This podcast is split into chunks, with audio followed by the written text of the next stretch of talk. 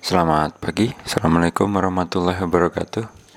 Nah, podcast yang kali ini saya rekam Mungkin merupakan baru satu-satunya ya Podcast yang merupakan uh, tanggapan terhadap dokumen yang lain. Nah, dalam hal ini saya ingin memberikan komentar terhadap uh, beberapa poin yang disampaikan oleh Pak Ahmad Taufik dalam videonya ya. yang judulnya wajib tahu sebelum menyusun disertasi.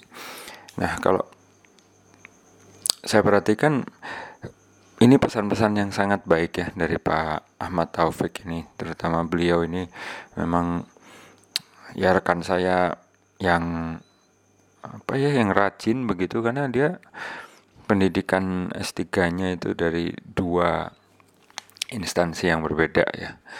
Jadi saya salut kepada Pak Ahmad Taufik uh, atas karya-karyanya begitu ya. Namun demikian perkenankan saya memberikan beberapa uh, catatan gitu ya uh, terhadap beberapa dari 15 pesan yang disampaikan Pak Ahmad Taufik. Yang pertama yang paling dominan adalah eh, komentar saya terhadap poin yang menyatakan bahwa disertasi eh maaf jangan-jangan di disertasi itu dipublikasikan di jurnal yang predator ya.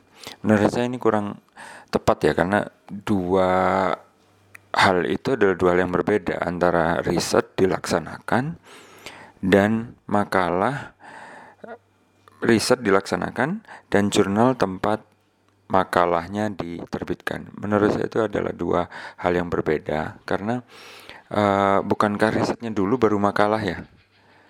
Nah, kalau risetnya memang baik, ya makalahnya mestinya baik. Ya, terlepas dari dia diterbitkan di jurnal apa pun. Kalau risetnya memang tidak baik, maka makalah yang dihasilkannya pun tidak baik. Terlepas dia diterbitkan di jurnal apa pun predatori atau tidak ya. Jadi menurut saya itu dua hal yang berbeda. Nah ini akan sangat terkait riset baik atau tidak itu memang menjadi tanggung jawab bersama itu saya setuju ya.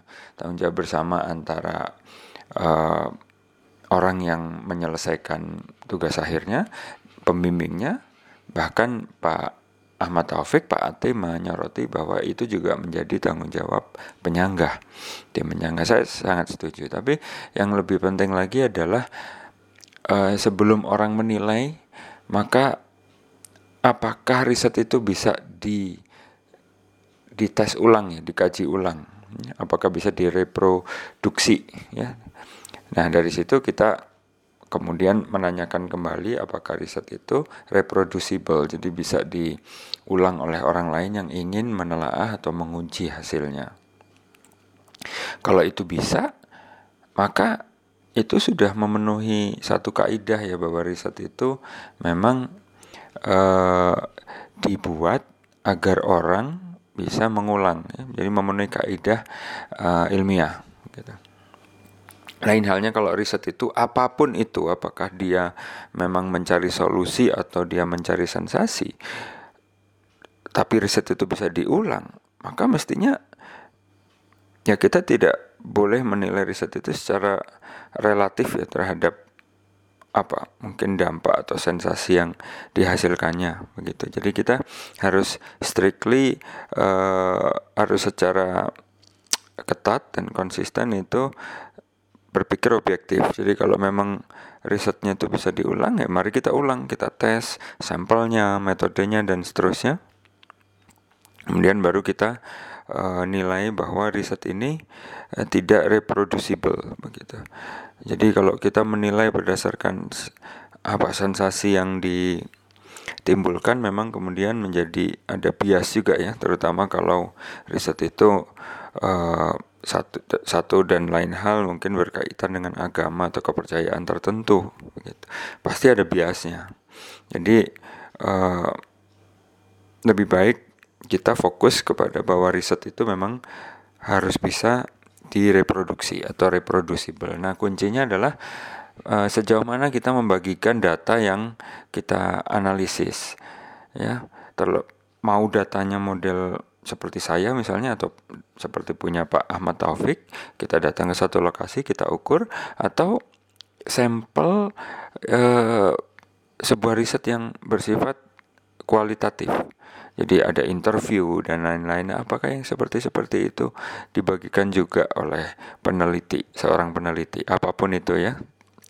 Saya tidak menyoroti secara khusus tentang riset yang di apa namanya dibahas oleh Pak Ahmad Taufik atau yang menjadi awal perbincangan itu. Jadi tidak tidak ke sana. Tapi intinya sebuah riset itu harus dinilai secara objektif dan saya setuju Pak Ate memenuhi kaidah saintifik juga. Jadi kalau ada apa argumen ilmiah ya harus disanggah dengan argumen ilmiah yang berikutnya begitu. Jadi disertasi memang tidak final itu saya setuju gitu ya. Tapi yang saya tidak setuju adalah bahwa suatu riset itu dinilai berdasarkan tempat di mana dia diumumkan. Nah, itu yang saya tidak setuju. Ya, karena riset sendiri punya kaidah-kaidah tertentu, sementara jurnal sendiri merupakan produk sekunder menurut saya. Yang primer ya hasil laporan laporan risetnya itu sendiri yang primer. Ya, output primernya itu baru kemudian dipublikasikan dalam berbagai bentuk begitu. Jadi begitu Pak Ate, uh, semoga berkenan menerima uh, komentar dari saya. Maju terus Pak, saya tunggu Uh, video-video berikutnya. Salam. Assalamualaikum warahmatullahi wabarakatuh.